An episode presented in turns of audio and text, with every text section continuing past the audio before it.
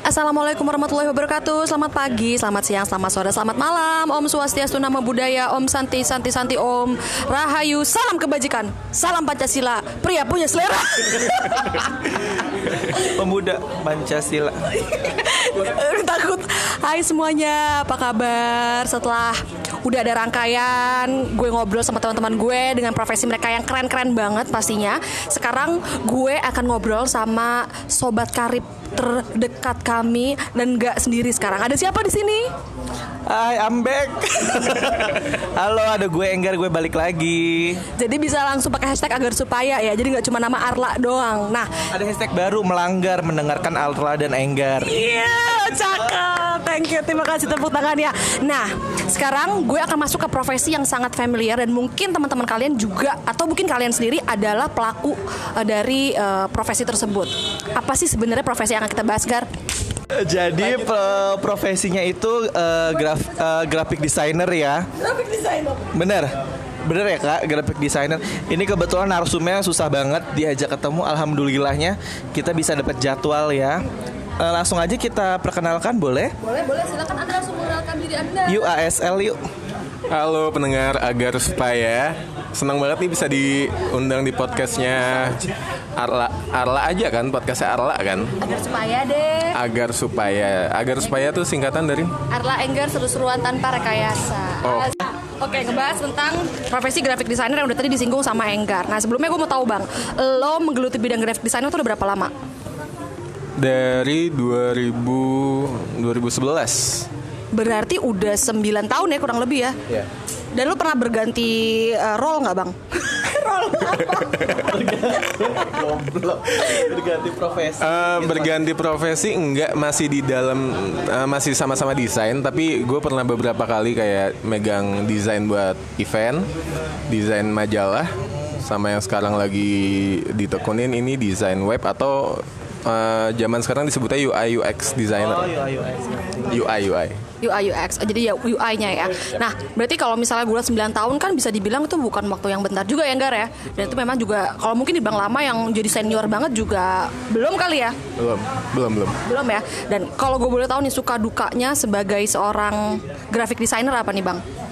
Suka dukanya, sukanya mungkin uh, kalau orang bilang jadi desainer tuh uh, kerjaannya enak, iya enak karena uh, hampir tiap hari kerjaan lo ngelihat sesuatu yang bagus gitu. Gambar-gambar yang bagus nyari referensinya juga enak nggak ada yang jelek-jelek gitu. Itu sukanya.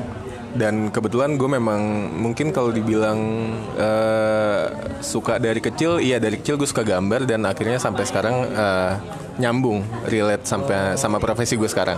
Uh, lu juga kuliahnya kan ini kan ya bang? Desain ya? Salah. Apa sih lo kuliahnya? Eh, lu kan di PNJ kan? Ya di PNJ tapi, tapi bukan desain. ambil apa? Gue kuliah jurnalis.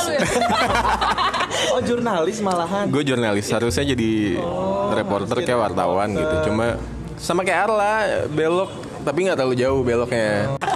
Oke nah gue serang banget ya. Lu dukanya belum. Oh dukanya ya benar oh ya benar sorry ya ini jadinya gue dipikir nggak ada dukanya kayak lo bahagia banget. Ya lu 9 tahun coy. Antara lu emang passionate banget atau emang lu gak ada bakat lain? Lebih yang ke eh, yang ke, kedua kali ya. Oh, nah dukanya dukanya nih. Dukanya gue tahu nih. Dukanya gue singgung dikit boleh nggak? Boleh silakan. Lu sering gak sih denger orang kayak teman lo sendiri eh berapa nih kayak gini ya? Ella gitu doang pakai harga temen dong. Uh, biasanya nggak gitu teman-teman gue dia bisa bikinin nggak? Udah habis itu nggak ada nggak ada omongan harga nggak ada omongan mau transfer berapa itu nggak ada. Tiba-tiba next time nya dia nanya eh udah jadi belum ya yang gue minta? Gitu. Udah jadi belum tuh? Enggak dong. Tapi di, tra di transfer nggak pas sudah jadi? Nggak itu pernah kejadian awal-awal gue kayak gitu. Awal-awal jadi desainer ya udahlah maksudnya itu awal gue jadi desainer kan zaman masih kuliah ya, kan. banyakin portfolio nah, kadang ya. ketika lo memulai jadi desainer ya ya udah project gratisan itu bisa lo pakai jadi portfolio tapi jangan mentang-mentang project gratis tapi bikinnya asal-asalan karena kan itu akan dilihat sama orang juga dan akan pengaruh sama uh, project ke depannya gitu sih. Selain itu dukanya apa nih kalau dari lu sendiri? Stuck sih stuck.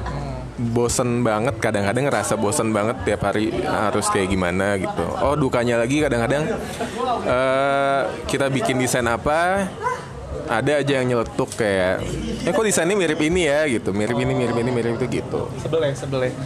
Kita kan kadang terinspirasi gitu, tapi bukan plek-plekan ngikutin gitu nggak sih? Pernah nggak sih dikejar-kejar deadline yang ini pokoknya harus selesai cepet nih gitu, sementara lo ini tuh nggak gampang gitu. Itu lo gimana tuh biasanya kalau dihadepin sama hal kayak gitu? itu sih bukan pernah lagi ya kayak udah hari-hari ya. hari-hari Itu gak sih ada deadline-nya masing-masing? Ah, ah, jadi udah biasa. Cuma cara gue gue selalu ini sih gue selalu bilang ke klien atau bos gue, eh, gue bisa menyelesaikannya berapa hari gitu. Jadi dikasih pengertian aja sih. Karena emang nggak bisa dikelarin satu dua jam selesai jadi yang bagus gitu. Kalau mood gue nggak bagus gara-gara itu kan hasilnya bakalan jelek juga. Ngomongin tentang profesi sama kondisi sekarang lagi covid kayak gini bang. Dari profesi lo sendiri ini yang lo lakukan Ada nggak sih perubahan yang jadi ber- berpengaruh sangat signifikan terhadap kerjaan lo? Entah jadi lebih kayak makin gak ada jam kerjanya kah? Atau mungkin ya sama aja Memang biasanya lo lembur-lembur aja gitu. Ada nggak adanya covid dan WFH Kalau signifikan sih nggak terlalu signifikan. Cuma kalau ngomongin jam kerja eh, karena covid ini WFH benar kata lo. Jam kerjanya jadi lebih bukan lebih panjang ya, lebih nggak teratur. Yang biasanya kita jam 5 selesai, eh, jam 8 tahu-tahu ada calling dari bos suruh ngerjain apa, ngelarin apa gitu sih. Lebih. Kalau gue pribadi sih ya ngelihat yang menjadi seorang graphic design tuh kayak keren-keren banget gitu kan. Dan apalagi gue salah satu orang yang sangat eh, cuk- eh, mengagumi gitu karya-karyanya Bang Aldi. Dari yang kalau misalnya dia ngebuat desain-desain poster gue sama anak-anak kalau mau kajian. Itu terus kayak terus proyeknya dia di siswa media ya siswa medika apa media? Media media. siswa media. Jadi kalau teman-teman misalnya mau follow bisa di follow juga tuh. Ada salah satu project yang memang langsung dikerjakan sama lo ya bang ya? Nah bang kalau lo melihat profesi ini di ke depannya akan seperti apa? Maksud gue eh, maksud gue lo berdiri sebagai orang yang sudah 9 tahun di bidang ini lo akan melihat profesi ini akan terus ada atau nanti akan tergantikan? Tergantikannya oleh apa? Misalnya kalau misalnya jurnalis eh, berita cetak kan tergantikan dengan online. Nah kalau sebagai graphic designer ini kira-kira ada nggak sih yang akan menggantikan profesi ini Kalau dibilang menggantikan enggak karena profesi ini ka- akan terus ada. Cuma cuma eh, yang akan berubah adalah kalau dulu kan kita ngedesain itu benar-benar harus bikin dari konsepnya awalnya kayak gimana. Kalau sekarang tuh makin makin gampang gitu. Even orang yang awam desain aja bisa download Canva atau download dari sumber-sumber tertentu yang udah udah Jadi kalau secara profesi eh, akan tetap ada karena semua bidang usaha akan tetap butuh yang namanya desainer grafis karena mereka butuh da- untuk promosi, untuk marketingnya itu pasti butuh. Cuma secara gue pribadi makin tertantangnya karena itu banyak sumber-sumber desain yang bisa dipakai orang Jadi lagi ya? gratis dijadi. Jadi itu yang mungkin menyebabkan eh, ngapain gue pakai desainer tinggal download aja, tinggal pakai jadi selesai. Jadi tantangannya sebagai desainer ya ya gue harus lebih bagus dari yang gratisan itu. J- eh, gue juga eh, pernah dengar ini eh, desain tuh akan kepake terus nggak sih? Jadi dari mulai orang lahir sampai dia meninggal tuh ada. Jadi maksudnya gini bang, misalnya kayak lo baru lahir, lo mau akikah mau apa terus ada desain nggak ya nggak sih untuk buku lo sampai nanti misalnya meninggal buku yasinnya ada desainnya gitu gue pernah kan gue sekolah ini kan dulu percaya nggak sih anjir percaya percaya kan Iya kayak gitu. Terus sama iya ini gue mau nanya. Ini kan kalau misalnya si desain grafis ini kan sekarang nih lagi di masa kayak gini kan kita banyak tuh yang WFH tadi lo kayak nggak keteraturan jam kerja dan lain-lain. Sebenarnya ini juga bukan hal baru nggak sih bang kalau desain tuh memang bisa dikerjakan jarak jauh. Jadi lo kayak ini bukan hal baru nggak kaget gitu iya nggak sih? Tapi kalau gue mau nanya sama lo nih lo mendingan eh, datang ke kantor untuk kerja atau eh, enakan lagi kayak gini? Ya terlepas dari kita ngomongin jam kerja yang nggak beraturan ya. Menurut lo gimana? Gue tipikal orang yang suka datang ke kantor karena mood buat kerja tuh kebangun kalau udah pakai buka baju pintu. rapih mandi Yap. di kantor lingkungannya Di kantor lingkungan sama-sama kerja. Ah. Kalau di rumah kan godaannya banyak banget ya entah rebahan. nonton TV, rebahan, tiduran. Netflix and chill Yes, jadi Hah? Jadi eh, kadang-kadang ikutan molor kerjaannya kalau di WFH. Cuma kalau di kantor kan udah pasti tuntutan buat kerja. Jadi mau nggak mau ya harus kerja gitu. Dan cepat selesai. Oh iya, karena diawasin bos kali ya. Oh gitu. Terus sama ini tadi kan lo cerita, tadi kan lo tadi 9 tahun berkarya. Oh satu tahun lagi dia bisa bikin pameran tuh kak Aldi satu. satu dekade. Iya satu lagi Aldi satu dekade satu dekade berprestasi. Aldi satu dekade berkarya lo bikin deh tuh. Nah, nih kan tadi kan lo banyak lo pernah di majalah, terus pernah di apa sekarang apa bang? Eh, yang media kayak gini ya? Apa sih? Pertama kan media cetak terus agency gitu-gitu. Nah dari semuanya itu yang sebenarnya lo yang paling lama tuh yang di mana terus lo sebenarnya pengen senangnya di mana sih gitu?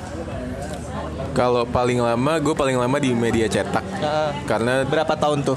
Eh, tiga hampir empat tahun. Karena dulu gue punya cita-cita pengen kerja di redaksi majalah. Lo kan kalau ngebayangin redaksi majalah tuh meja kerjanya yang bener-bener kreatif, lo bisa nempelin apa-apa itu doang, sesimpel itu. Kenapa gue pengen kerja di redaksi gitu. bisa naruh-naruh tumbler ya kak di kubikel kita ya Iya. seru banget Akhirnya kesampaian.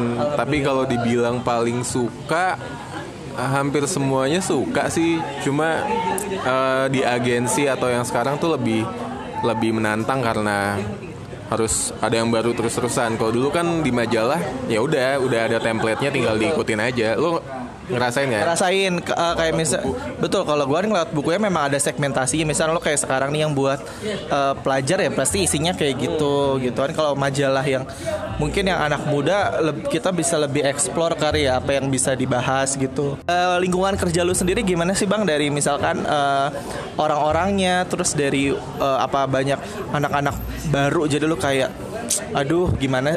Lamban gitu lo kan udah jago banget gitu. Senior. Maksudnya. Kalau lingkungan kantor yang sekarang, alhamdulillah masuk lagi ke kantor yang lingkungannya sehat menurut gue. gitu. Eh, kantor yang sekarang tuh nggak ada lembur, cuma mungkin karena WFH jam kerjanya mungkin jadi lebih nggak teratur ya. Ih, kok heran deh gue orang lembur dicari-cari lo nggak mau lembur? Enak lo duitnya Kalau dibayar nggak apa-apa. gitu maaf deh Jadi eh ini satu satu ini ya satu tips buat teman-teman yang mau jadi desainer. Ketika lo semua mau jadi desainer jangan jangan ngarep dapat lembur deh. gitu Entah lo kerja di media, lo kerja di media, lo kerja di agensi itu nggak ada yang namanya lembur dibayar soalnya. Gitu. sedih ya kan Ya, mirip sama teman gue yang di episode yang lalu. Kalau teman-teman dengerin eh, di jurnalis memang mungkin kurang lebih dunianya kayak gitu ya bang ya. Lo emang benar-benar harus passionate yang mereka garis bawahi pas- passionate dalam sama dengan ya gajinya nggak sesuai gitu. Misalnya banyak yang bilang gaji mungkin lebih kecil dibandingkan dengan pekerjaannya dan harus benar-benar ready kapan pun harus di call kayak gitu kan. Nah kalau lo boleh kasih apa ya insight atau misalnya teman-teman yang mau dari sekarang nih ada uh, ada pendengar gue yang pengen mulai menjadi seorang menekuni bidang graphic designer hal apa sih yang mendasar yang mereka harus benar-benar yakini dulu sebelum terjun ke dunia itu Yang harus eh, diyakinin sebenarnya eh, harus suka dulu itu pertama. Itu yang jadi jadi satu hal yang membuat gue pengen jadi desainer grafis karena gue suka itu. Kedua, eh, kalau udah nyemplung entah itu kuliah, entah itu jadi profesi, terus belajar eh, untuk buat desain-desain yang baru. Dan eh, terus explore cari referensi yang bagus-bagus itu penting banget.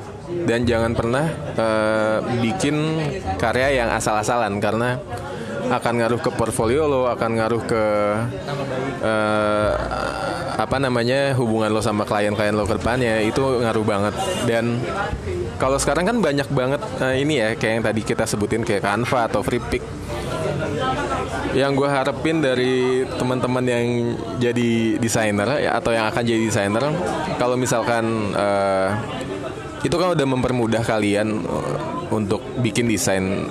Tapi tolonglah jangan jangan langsung dipakai plek-plekan gitu harus punya signature sendiri harus punya signature kalau desainer sih sebenarnya eh, punya atau enggak itu pilihannya balik ke diri sendiri karena kalau desainer itu kita ngerjain produk ya kita harus ngikutin gitu. Kecuali kalau ilustrator beda ya. Kalau ilustrator punya style gambarnya sendiri, kalau desainer ya eh, memang kita yang mengikuti produknya Maunya kayak apa, apa gitu. Jadi kayak emang mesti bisa menyesuaikan. Tapi tantangannya itu tadi karena di, udah dipermudah sama free pick, kebanyakan masih banyak teman-teman desainer yang eh, download langsung pakai tanpa mengubah warnanya, mengubah bentuknya. Jadi ya udah di media mana pun kayak banyak ketemu yang sama. Padahal eh, itu bisa diubah gitu sedikit atau mengikuti style yang memang eh, sesuai sama produk yang lagi dikerjakan. Itu sih sayangnya kalau sekarang. Keren-keren banget itu diperhatikan teman-temanku semuanya. Eh, terus sama ini bang, tadi kan lo bilang banyak tuh kita bisa download eh, apa sih kalau kita tuh bang template ya, iya nggak sih? Terus kayak vektor-vektor kan banyak tuh yang gratis. Nah tadi kalau bilang eh, kita ubah lah warnanya atau misalnya bentuknya dipoles sedikit kayak gitu. Tapi eh, menurut lo kalau orang yang eh, eh, memang itu mempermudah sih ya. Tapi kalau misalkan desain tapi dia tuh ngambil dari kayak gitu kayak cuma ditempel-tempel doang tuh di punya itu masuknya apakah dia eh, iya jiplak atau gimana gitu sih menurut? Nah ngomongin hak cipta kalau di FreePick sebenarnya eh, ada beberapa aturan yang jarang banget dibaca sama teman-teman yang download. Itu ada yang benar-benar free untuk eh, 100% gratis, mau untuk eh, promosi, mau untuk pribadi itu gratis. Ada juga yang 100% gratis tapi untuk keperluan pribadi, bukan untuk keperluan eh, promosi atau eh, ya komersil. Itu yang jarang dibaca. Tapi kan kalau di Indonesia sendiri masih sayangnya ya, sayangnya masih banyak eh, orang-orang yang nggak mementingkan itu. Jadi event kita eh, download di FreePick, mentang-mentang itu gratis, nggak dibaca aturannya, langsung pakai gitu aja, tanpa memperhatikan hak cipta. eh, ya udah karyanya langsung kayak karya gratisan dan kita sebagai yang bikin tuh nggak nggak paham mesti nuntut itu ke mana gitu. Karena emang perundang-undangannya juga belum belum jelas. Karena ka- kayak kayak kasusnya kemarin itu yang geprek-geprek itu eh, itu ternyata eh, logonya di download dari FreePick tapi dimodif. Dimodifnya tapi sangat sedikit gitu. Sampai akhirnya ada orang yang berhasil nemuin siapa yang bikin ya orang itu pasrah aja gitu. Ya udah mau gimana? Dia dia nggak paham dia nggak paham eh, cara nuntutnya kayak gimana. Daripada urusannya melebar ke mana-mana ya udah pakai aja gitu. Kasihannya di situ sih Jadi ngomongin masalah tentang hak cipta sendiri itu kayak long way to go juga ya di Indonesia sendiri ya karena perlindungan dari pembung- eh, penggunanya, pembuatnya juga masih minim. Menurut lo juga kayak gitu ya bang. Nah kalau tadi berdasarkan lo yang mau sampaikan ke teman-teman tapi lo punya pesan nggak buat orang-orang yang menggunakan jasa dari seorang graphic designer? Apa sih yang sebenarnya kayak lo sebagai seorang graphic designer tuh kesel banget kalau misalnya ada pengguna yang seperti itu dan kalau bisa please deh siapa pun yang dengerin ini jangan pernah melakukan ini lagi gitu. Kalau gue pesan-pesan sama teman-teman yang sering make desain, kalau memang nggak nggak bisa memberikan apre- apresiasi berupa uang, at least minta izin. Dicantumin sumber perlu nggak sih? Dicantumin sumber perlu banget, apalagi kalau misalkan itu eh, di post di sosial media, di post di mana-mana yang banyak orang bisa lihat. Kalau memang nggak bisa kasih apresiasi dalam bentuk eh, uang atau apa pun, at least dikasih tahu sumbernya. Jadi yang ngelihat, oh bisa tahu yang bikin siapa. Dari situ kan lumayan sebenarnya. Eh, nama kita kesebar, desain kita kesebar kalau bagus, itu aja sih. Soalnya gue pernah pengalaman dulu desain gue dipakai sama eh, sebuah ajang pariwisata di Sumatera itu dipakai nggak diganti sama sekali cuma diganti namanya aja yang tadinya abang none diganti duta pariwisata apa tapi logonya atasnya nggak diganti sama sekali dan itu nggak minta izin sama sekali Bagaimana perasaan anda? Memang Sumatera ya, Sumatera memang. Iya. oh waktu itu langsung gue langsung gue DM waktu itu masih rame di Twitter, jadi langsung gue DM tapi eh, hasilnya nihil gitu. Karena mereka di sana lempar-lemparan, nggak ada yang entah nggak tahu, entah nggak mau ngasih tahu siapa yang buat dan nggak diganti sama sekali. Bahkan gak di take down. nggak di take down. Sampai sekarang? Sampai sekarang kayaknya Ajang udah nggak ada di itu. Oke, tadi kita udah dengerin seru banget sih sebenarnya. Emang sebenarnya ini pribadi ngasih gue pengetahuan lagi sih. Maksudnya emang jadi lebih nambah awareness kalau misalnya apa pun yang lo post di sosmed yang bukan dari hasil karya lo sendiri, ya kita harus ngasih kredit dong. Minimal apa sih susahnya kayak misalnya pun dapat dari Pinterest atau misalnya apa pun apa sih salahnya, susahnya ya nggak sih? Ya, Itu gue bener-bener jadi banyak tahu gitu ya. Dan terakhir nih Bang, kalau misalnya ada teman-teman yang mungkin mau menggunakan jasa lo atau mungkin lo juga punya price list sendiri, teman-teman ini bisa berkorespondensi dengan lo melalui apa nih Bang? Bisa langsung eh, lihat di DM Instagram gue atau ngelihat portfolio gue di Behance eh, Aldi Komarula Portfolio. Oke, nanti kita akan masukin nama Instagramnya Bang Aldi sekaligus dari Behance-nya ya. Oke, terima kasih Bang Aldi untuk waktunya yang luar biasa. Lu udah mau menyisikan waktu lu jauh-jauh kerja dari timur ke tenggara, selatan ke utara. Kita juga aku dapatkan. Makasih buat semuanya buat Enggar, buat teman-teman semua udah ngedengerin. Terima kasih untuk feedback positif yang masuk ke Instagram gue, ke Instagramnya Enggar, ke teman-teman semua antusias positif dari podcast agar supaya semoga episode selanjutnya profesinya ini juga yang ditunggu-tunggu sama teman-teman untuk kita bisa bahas. Atau misalnya teman-teman ada nih eh, profesi apa sih yang mau kita bahas atau mau tahu lebih banyak mungkin bisa kasih eh, DM ke kita gitu ya. Mau dong nih yang dibahas apa gitu. Oke, akhirnya itu aja. Semoga bisa bermanfaat dan bisa menambah hasanah pengetahuan kita. Allahu Akbar. Amin. Allahumma amin. Akhir kata, wabillahi taufiq wal hidayah. Wal inayah. Wassalamualaikum Warahmatullahi wabarakatuh. Dadah.